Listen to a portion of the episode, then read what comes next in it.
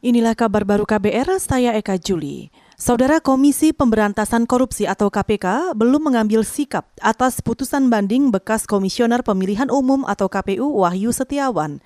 Juru bicara KPK Ali Fikri beralasan tim Jaksa Penuntut Umum KPK belum menerima salinan resmi putusan banding tersebut. Informasi yang kami terima, tim penuntut umum KPK belum menerima salinan resmi dari uh, putusan Pengadilan Tinggi Jakarta tersebut. KPK akan mengambil sikap apakah akan menerima putusan atau akan melakukan upaya hukum uh, berikutnya yaitu kasasi tentu setelah mempelajari seluruh isi pertimbangan dari majelis hakim di tingkat banding tersebut. Itu tadi juru bicara KPK Ali Fikri. Sebelumnya, Pengadilan Tinggi DKI Jakarta menerima banding KPK atas kasus suap pergantian antar waktu anggota DPR RI periode 2019-2024 dengan terpidana Wahyu Setiawan.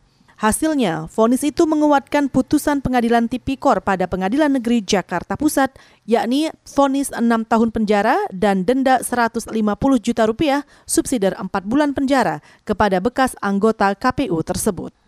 Kita ke soal COVID. Kasus positif COVID di 19 provinsi di Indonesia naik dalam sepekan terakhir.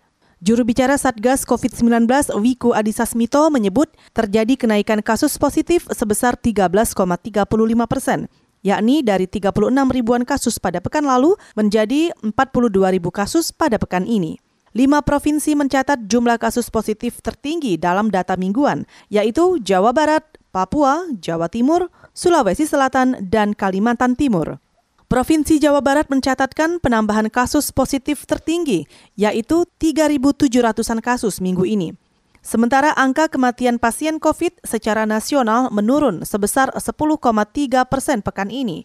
Hingga kemarin, total kasus terkonfirmasi positif di Indonesia mencapai lebih dari 590 ribu orang.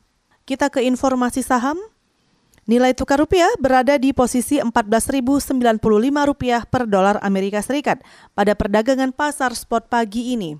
Posisi tersebut menguat 0,11 persen dibandingkan perdagangan Selasa kemarin.